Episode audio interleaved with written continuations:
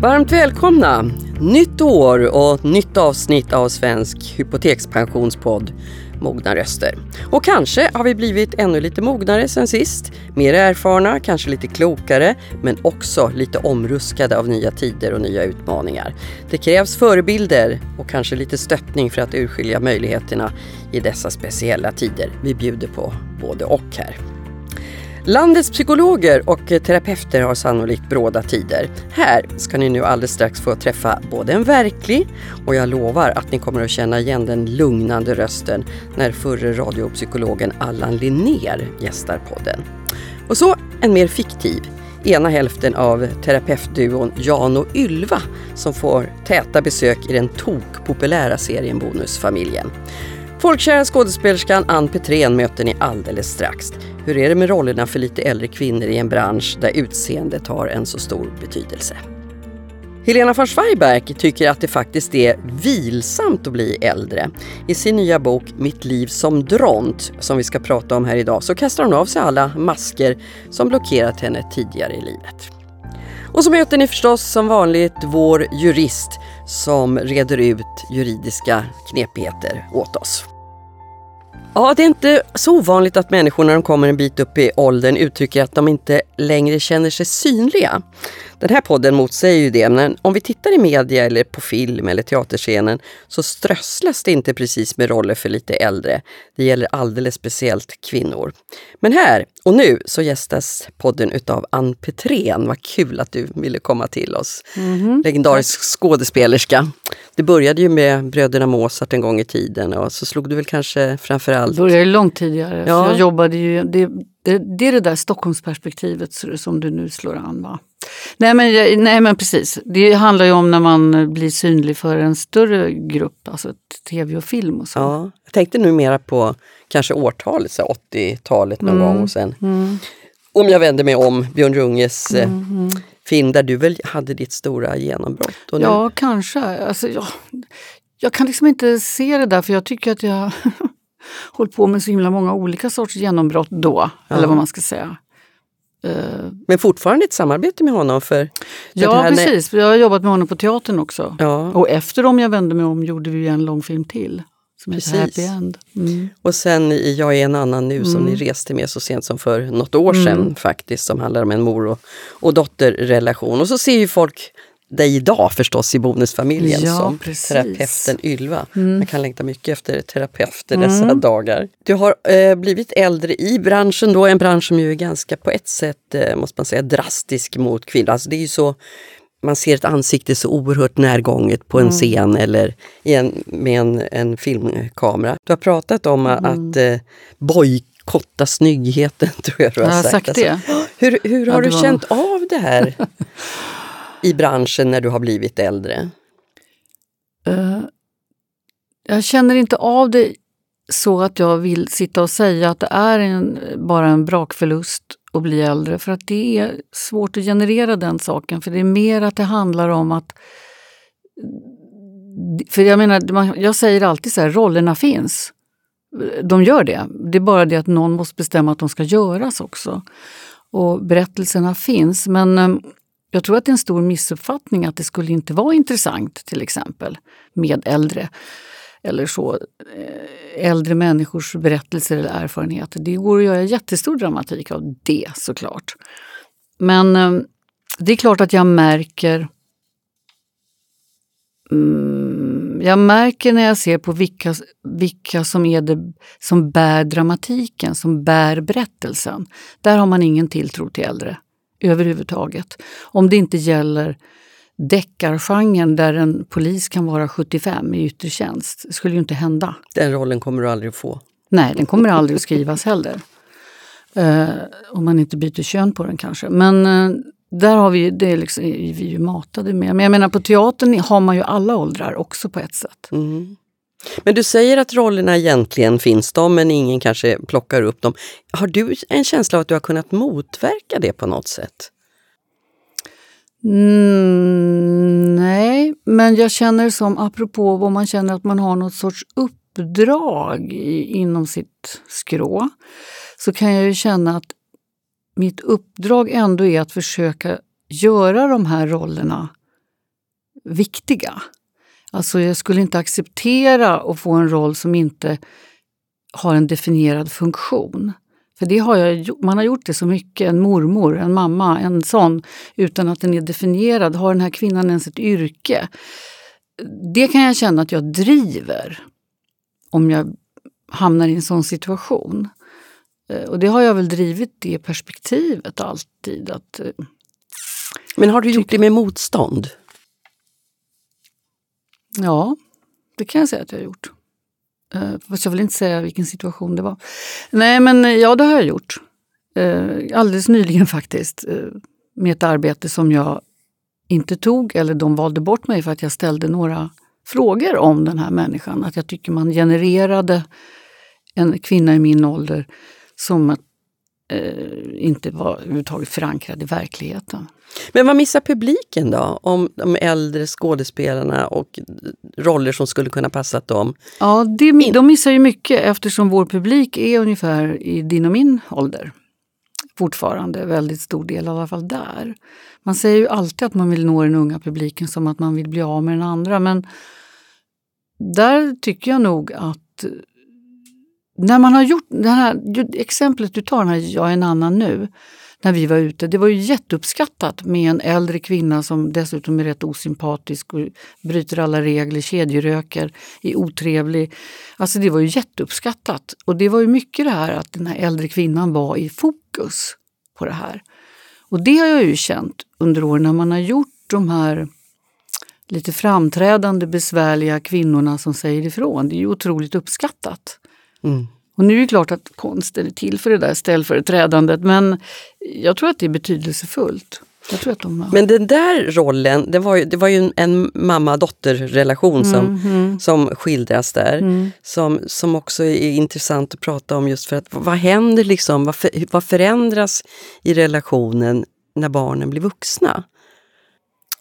Ja, på ett sätt... Oh Gud, jag tror att det är väldigt olika. Men jag tror att eh, de flesta människor har känt som jag att det finns en period när man kan påverka väldigt mycket och vara närvarande och sen tappar man kontrollen. Svårt att släppa det? Det är svårt att släppa den mm. kontrollen, det tror jag är, ganska vanligt. Mm. Du har eh, vuxna barn eller inga barn hemma längre Nej. i huset och faktiskt eh, vill, lämnat villalivet och flyttat in. Du kommer mm. cyklandes hit mm, från, från innerstan nu. Precis. Hur har den där övergången varit? Det är mycket en förändringens tid. Ja, det är lite sådär att eh, nej, men valet att flytta från att bo i ett hus till en lägenhet, det är ju det här det var viktigt att göra det när man gör det frivilligt. ja, faktiskt. Och känna att nej, men man får sätta, de här, det var de här 25 åren, det där livet. Sen är det klart att jag tänker så här, det här är nog sista gången kanske jag flyttar. Kan man bo här med hemtjänst och sådär? Men det är en omställning, det blev ju väldigt speciellt. Man saknar ju att kunna ha ett hus under den här coronapandemin såklart. Mm. Uh, men... men du säger att det kanske är sista gången jag flyttar, flyttar nu, men, mm. men hur tänker du överhuvudtaget kring yrkesliv och förändringar framöver? Alltså i vad mån kan man styra dem själv? Nu är det en konstig period att fråga mm. om det. Men, men, Nej, om... men jag, jag, jag kan på ett sätt längta efter det här att jag inte ska bära det här ansvaret som jag trots allt känner för min arbetsplats. Att dra ner lite på det eh, som per automatik tror jag ligger mig nära. Alltså det sker automatiskt att jag blir engagerad i min arbetsplats. Men jag tror att det ska vara, och då är man liksom en i stallet på något sätt. Jag ser på ett sätt fram emot det här att vara en att jag kan ha ett liv och sen lite mer välja. Jag tycker att jag har haft det otroligt bra och valt känner att jag nästan har valt allting jag har gjort. Men det är ju inte bara sant. Men väldigt mycket har jag känt att jag har varit delaktig i att jag, varför jag är där jag just är. Eller hittat på egna projekt eller drivit saker. Men jag tycker det ska bli ganska... Jag ser faktiskt fram emot det att jag kanske kan... Jaha, jag kanske kan göra, vara med där ett tag. Eller inte. Mm. Det är en möjlighet. Och det känns Onekligen. också som att, herregud, det, det finns så många som um, verkligen ska ta över mm. efter Jag känner ingen sån där, vad ska jag säga, nu är inte jag där i frontlinjen längre. Eller så. Det finns en sorg i det såklart, att man inte orkar, att man inte har den där energin. Men jag menar, så länge jag kan behålla nyfikenheten på det här, och, då tycker jag det är helt okej okay att backa faktiskt. Ann Petrén, alldeles strax så ska vi träffa radiopsykologen Allan okay. Linnér. Eh, och nu träffar vi en eh, låtsaspsykolog, mm, ska jag säga. Mm. Du har spelat eh, terapeuten Ylva i Bonusfamiljen. ja. Väldigt uppskattad och ja. rolig roll faktiskt. Ja. Hur har den varit att spela? Jätteroligt. Det är roligt att just hon är så här krass och eh, ibland lite oengagerad och eh, drastisk i sina tankar om sina klienter. Det är säkert inte så här det går till, men bra dramatik tycker jag. Uh -huh. Och sen har det varit jätteroligt med Johan. Vi känner ju varandra från Johan Ulveson. Ja, mm. Johan Ulveson eh, från scenskolan. Så det känns väldigt tryggt. Och nu när vi har spelat in fjärde säsongen så har det gått några år och man återvänder till det där rummet, till det där huset. Så, ja, de är inte riktigt där än, men, men det är ändå väldigt rolig relation tycker jag. Jag tycker de skulle vara med mer. Jag tycker man skulle få se lite mer av deras mm. privata... Mm. Kommer det någon femte säsong där, man kan få Nej, se lite mer? Nej, det tror inte jag. Det kan komma en femte säsong. Men vem? den fjärde är ju ja. under inspelning. Ja. ja, vem vet. Bonusfamiljen är väldigt uppskattad. Mm. Det är du också. Tusen tack för att du kom till oss ja, idag. Oj, vad fort det här gick. ja. Ja, man kan föreställa sig att psykologer och terapeuter har fullbokat. Pandemin har försatt människor i situationer vi aldrig har kunnat föreställa oss med mycket isolering, oro, ofrivilliga förändringar av livsvillkoren. Så här års är det också mycket storhelger, också vanligtvis svåra för många som inte har den där stora bullriga familjen omkring sig kanske. Och i år har nästan ingen det och vi uppmanas istället att träffa andra, att inte träffa andra människor. Så det finns anledning att ta ett snack med Allan Linnér, radiopsykolog. Ni kommer att känna igen rösten. Välkommen hit! Tack! Härligt Tack att du kunde komma. Du, det är ju så oändligt mycket som har blivit annorlunda och pandemin styr våra liv. Mm. Vad, vad tror du är det mest besvärliga att stå ut med för människor just nu? För de allra flesta och kanske det allra svåraste, det tror jag är ensamheten.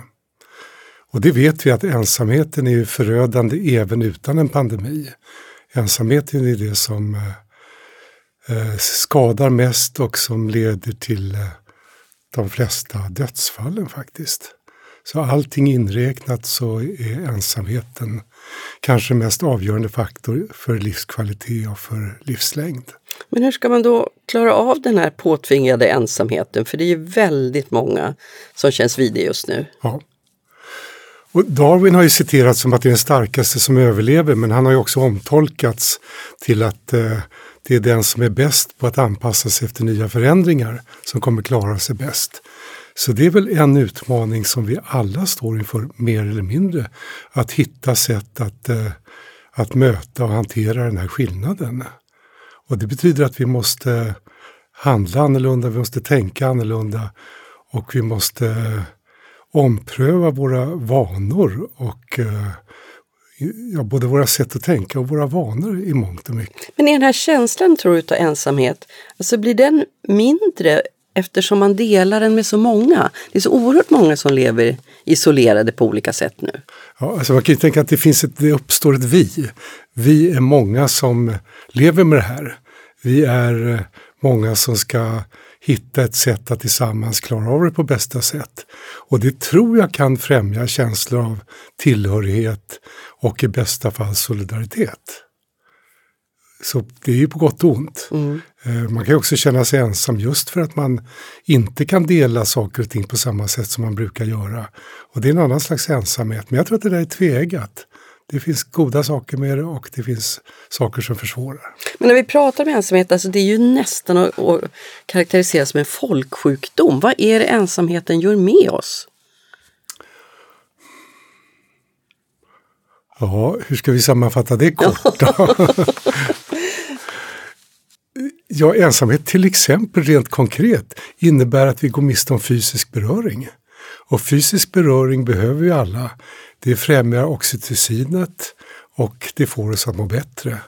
Ensamhet betyder också att vi, vi har sällskap, vi, vi delar på olika sätt varandras tillvaro. vi blir vittnen och vi, vi blir vittnen till, till varandra, varandras belägenhet. Och det kan vi dela på enkla sätt via att skicka bilder, genom att eh, skapa album, genom att prata. Ja, det finns tusen olika sätt att dela den här gemenskapen på. Och nu kan vi inte göra det på samma sätt. Och det berövar oss en spelplan skulle jag vilja säga, vår vanliga spelplan. Vi Å andra inte... sidan så har ju människor faktiskt funnit på andra sätt att umgås med. Kan mm. inte det vara en tillgång att vi, ja, vi klarade det? Ja, det återstår att se. Jag tror, jag tror att det är en tillgång. Jag tror att det är en tillgång att just hitta andra sätt att umgås på. Det är ett tillfälle att eh, ta bort dödköttet. Ta bort det som inte är så viktigt. Jag tror att vi blir medvetna om vad som faktiskt är viktigt.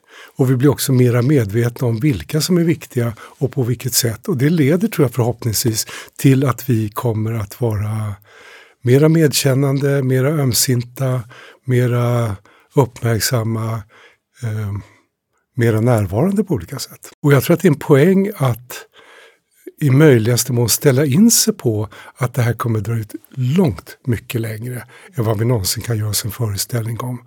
För det tvingar oss att eh, som sagt ta vara på tiden. Det tvingar oss också att inte, inte när det gäller förväntningar lägga ribban för högt. För lägger man den för högt så blir man ju bara besviken ifall det inte infrias. Så kanske kommer vi successivt att ha mera realistiska förväntningar på tillvaron, på oss själva och på varandra. Och det tror jag är gott med det. Å andra sidan kan det ju låta väldigt eh, hurtigt, nästan lite, jag vet inte, men det här håll ut när det inte finns någonting man kan göra egentligen. Så oerhört mycket av det som var livet och vanlig vardagen är borta. Ja. Så vad sjutton ska man göra? Ja, det är en väldigt bra fråga. Vad, vad, kan man göra? Vad ska man göra när man inte tycker att man kan göra samma saker som man brukar kunna göra?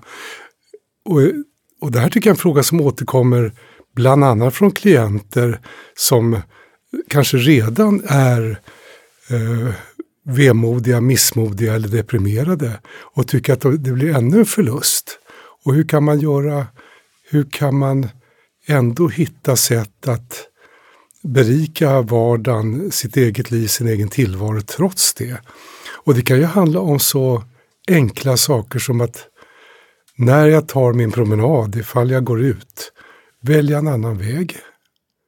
När jag går ut, ta en annan väg tillbaka än det jag brukar göra. Det vill säga försöka att med alla medel introducera förändring så att inte tillvaron upplevs så statiskt.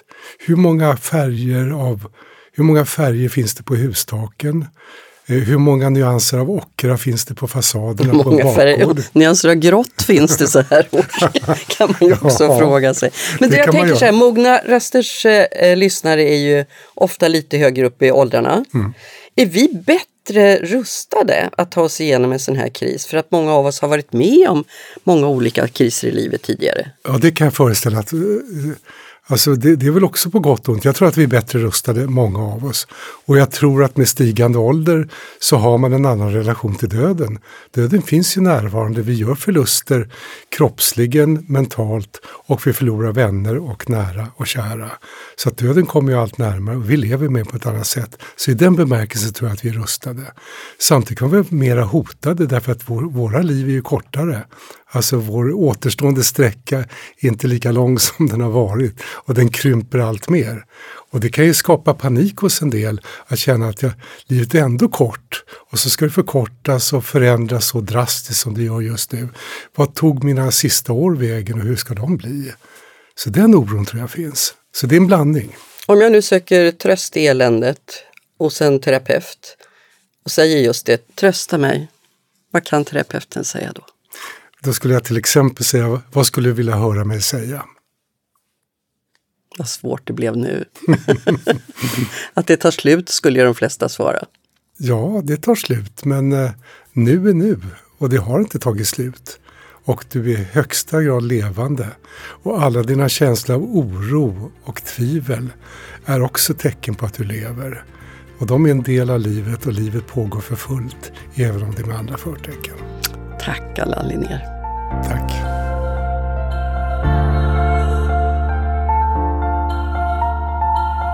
Ja, under de veckor som gått sedan Helena von Schweibergs nya bok kom ut så har en sedan århundraden utdött djur plötsligt blivit väldigt välkänt. Och inte bara det, liksom Helena så är det säkert åtskilliga som också identifierar sig med dronten som med sina flygodugliga vingar blir alldeles skyddslös. Hej Lena, välkommen Hej. hit. Tack. Härligt att du kom. Det är ju om man säger någon slags inventering utav ditt liv, alltså genom hela tiden egentligen från föräldraskap och yrkesliv och författandet inte minst då som jag har gjort dig som till en välkänd folkkär faktiskt författare. Men jag tänker ändå när jag, när jag läste den så tänkte jag, nu har du fyllt 60 och det, det skriver du ganska mycket om. Och då tänkte jag när jag läste den, men gud ska det ta så himla lång tid innan man får syn på sig själv? Det har jag också tänkt på många gånger. Att varför, varför först nu? Och det, det är inte så att jag inte har undrat tidigare varför har saker och ting blivit som det har blivit. Men det är väl snarare liksom först nu som jag känner att jag både får syn på det och samtidigt är mogen nog att hantera det. Många gånger har man ju formulerat saker för sig själv ganska tidigt. Men det kan ta liksom betydligt längre tid att verkligen känna att man hanterar det på ett bra sätt och gör någonting av det, förändrar någonting. Och det kan jag tänka, varför, varför var jag så ängslig så länge? Det kan jag verkligen fråga mig själv. Och då är det ju något slags skede som du beskriver när, när livet förändras ganska mycket. Ja. Alltså en del utav de här invanda rollerna försvinner som det gör Ja. i den här 60-årsåldern och så ska Ja. man in på, på nya spår. Oroade du dig för att bli äldre?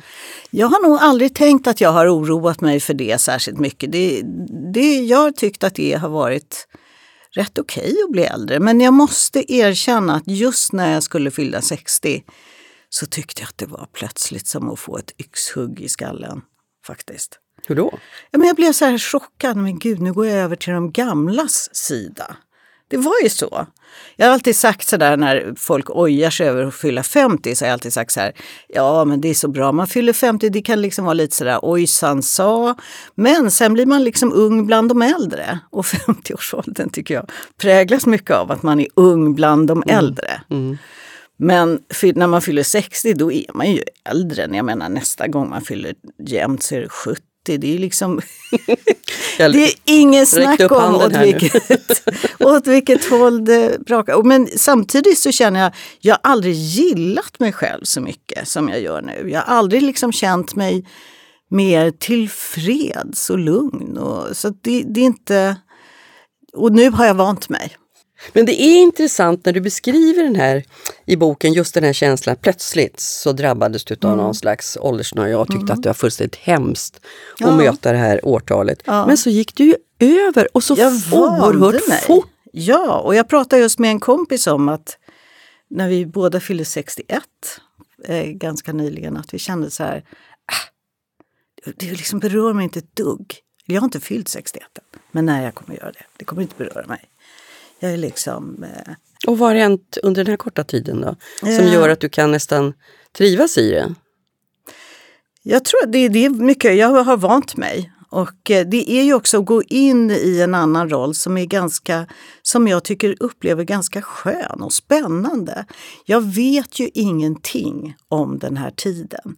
Den är, dels så tror jag att det, det sättet som man blir äldre på idag är outforskat. Det, det, det liknar inte som det har varit tidigare. Man säger alltid så här lite töntiga saker som att 60 är det nya 40 och det är bara larvigt tycker jag. Men däremot är 60 det nya 60. Så att det finns liksom, det känns ibland tycker jag som att dra undan ett draperi och det där, ett liksom lite så här, att titta in i något litet hemligt skrymsle. Och det är ju inte så att det varit hemligt på ett annat sätt än att ingen har varit egentligen intresserad av att dra det åt sidan det där rynket, för man, eh, skinket. För man har bara tänkt att ah, det där verkar så tråkigt. Det är så liksom. Men jag tycker att det är jättespännande. Jag tycker att det är det är roligt. Vi har roligt, jag och mina vänner och de män man träffar. Det finns ju väldigt mycket i den här tiden som präglas av att nu har vi bara, det är bara lusten kvar. Mm. Vi behöver inte, finns inte så mycket måsten. Och det här med vänskap, det, det förstår man när man läser din bok, är väldigt Ja. viktigt i livet. Ja, Och där är du inne på någonting som jag tyckte var så spännande om att eh, man kastar sina masker ja. sinsemellan. Ja, och det är ju någonting också som händer med åren mer och mer. Att, att eh, det känns som att, men varför ska vi hålla på och låtsas? Vi vet ju, och det är också någonting som händer mer och mer. Man orkar inte göra sig till längre. Och det är också någonting som, när man liksom känner att man börjar ändå närma sig en tid när allting ska ta slut så är det som att varför ska man liksom ägna de sista åren åt förställning? mm, du använder ju ordet befrielse faktiskt. Ja, jag tycker att det är en befrielse på många sätt. Mm. Och här, du går ju igenom en, en, en tuff skilsmässa. Mm. Och då tänker jag också att, att du, eh, du bryter upp och så ska du skaffa dig ett nytt hem Mm. som nu är bara ditt. Vad betyder det där hemmet för dig? Det betyder jättemycket för mig. Dels är det ju den där känslan av att det här blir precis som jag vill. Det här blir precis exakt som jag vill och eh, det är mitt eget lilla gryt och jag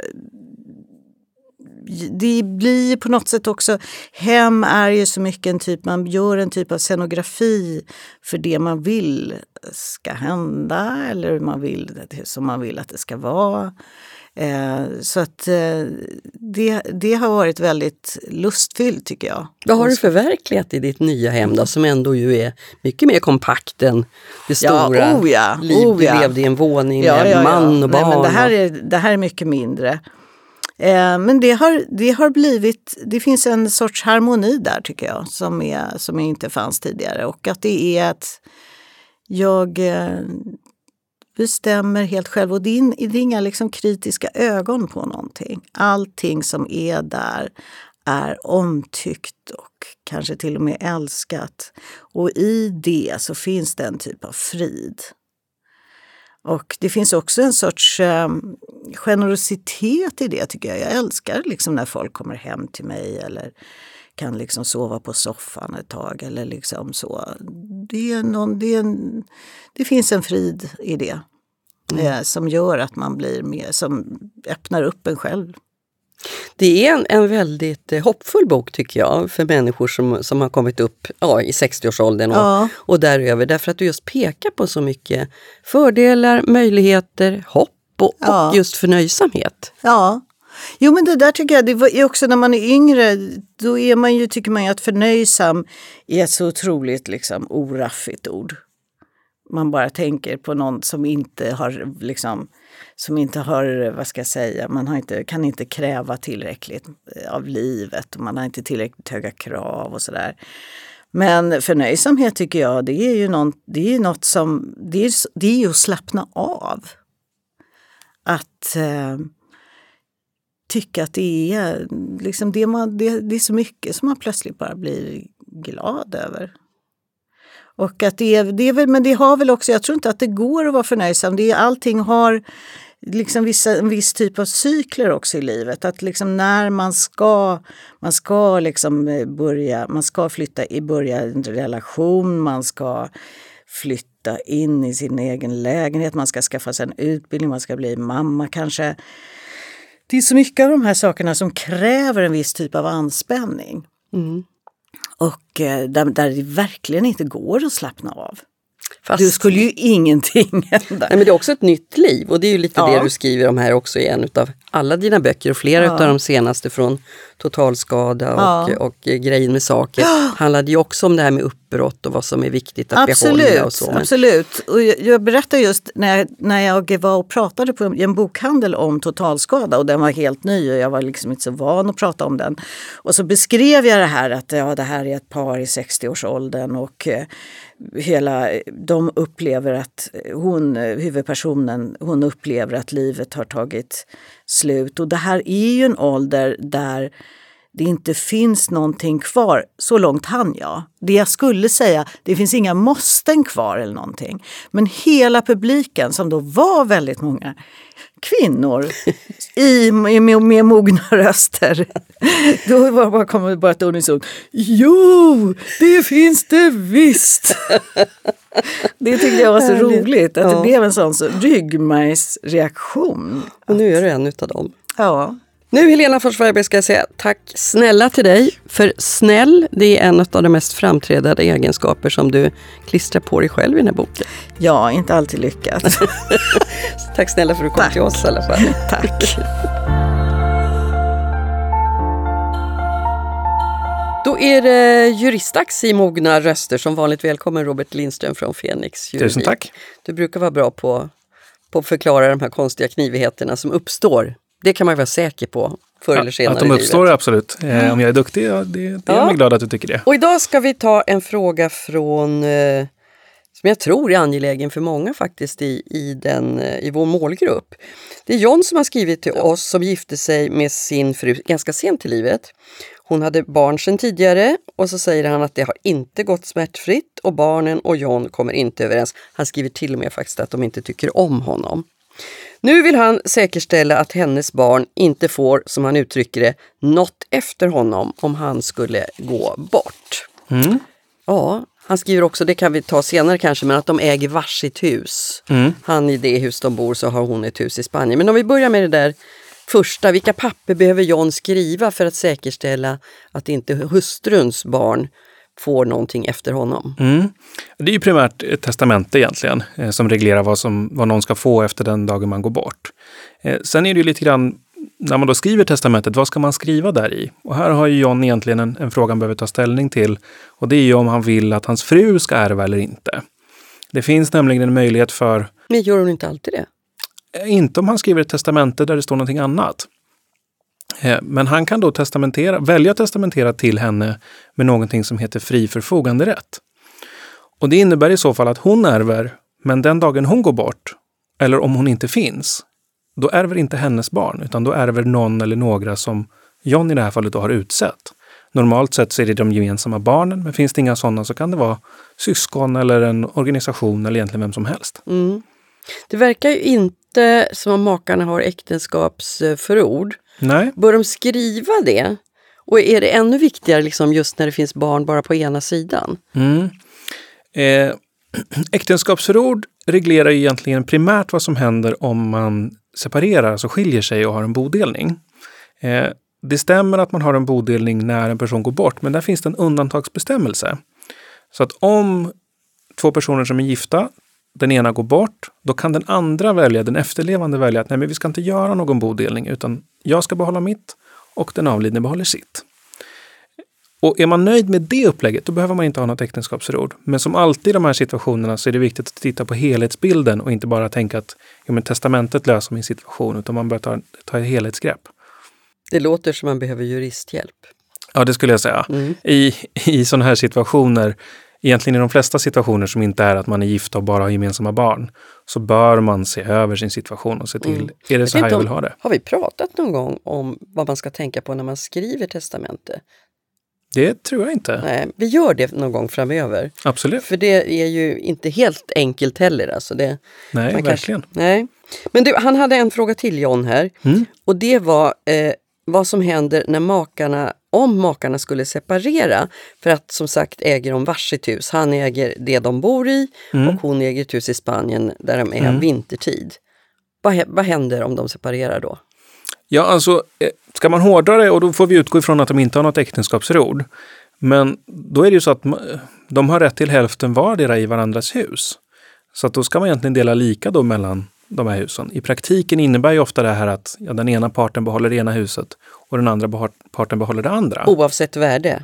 För det kan ju skifta väldigt mycket. Ja, så här får man ju separera lite grann på värdet och sakerna. Ehm, man har rätt till halva värdet vardera. Eh, så att det man gör egentligen när man ska göra bodelning, man gör den i två steg. Första steget handlar om att räkna ut hur stort värde ska respektive make få. Och det kallas för andelsberäkning. När man då har bestämt det, och då, då tar man egentligen alla tillgångar, drar av för alla skulder och sen så får man ett netto och det är det som ska delas lika. När man då har fram, framför sig det, hur mycket så att säga, värde som ska finnas på vardera sida i bodelningen, då ska man göra någonting som heter lottläggningen och då placerar man egendomen på olika sidor. Och i praktiken så är det nästan aldrig görbart utan att man har en så kallad skifteslikvid. Det vill säga en, en peng då som går från den ena maken till den andra för att kompensera att den maken har fått mer egendom. Eh, och i praktiken då när det finns två fastigheter så blir det ofta så att det är sällan ena maken har råd att kompensera den andra för båda fastigheterna. Utan då hamnar ofta fastigheterna på varsin sida. Och den som fick den lite mer värdefulla fastigheten får då kompensera den andra. Mm. I det här fallet var det ju så att de ägde varsin tidigare där så att det kanske avgör en del utav det där. Men, eh, Det som kan vara intressant i det, i det fallet där också är att när man ska bestämma vem som får fastigheten så normalt sett så får den som äger en egendom bestämma att Nej, men den här vill jag behålla på min lott. Men just när det gäller bostäder så kan man tvinga till sig en fastighet om man bedöms ha ett större behov av den. Så är det så att till exempel någon har små barn som bor hemma eller är i behov av att ha en vårdinrättning nära eller så, så kan den tvinga till sig en fastighet som den inte har köpt eller äger. Så var det ju inte nu, men det var ju ändå så att frun hade barn och det har inte John. Mm. Spelar det in i det här? Eh, inte så länge barnen inte är små. Nu lät det inte riktigt som att de Nej, var de det här i vara frågan. vuxna. Eh, och då, då har det ingen betydelse. Men är det små barn som går i skolan och så, så kan det ha betydelse. Då tackar vi dig för idag. Man lär sig något nytt varje gång man träffar dig. Mm. Och skriv gärna ni där hemma till podden att hypotekspension.se om ni sitter hemma med sådana här funderingar. Ja, då sätter vi punkt för årets första mogna röster. De är många, vältaliga och ger så mycket inspiration. Och när ni hör oss igen, alltid första fredagen i månaden, då gästas vi bland andra av Karin Götblad som varit hög chef inom polisen i många år. Och nu, närmare pensionen, byter hon jobb igen. Det är aldrig för sent. Ja, den här podden presenteras av Svensk Hypotekspension. Sara Pansar har varit produktionsledare, Jesper Tillberg redaktör. Podden produceras av High Creatives och jag heter Marianne Rundström och vi hörs igen.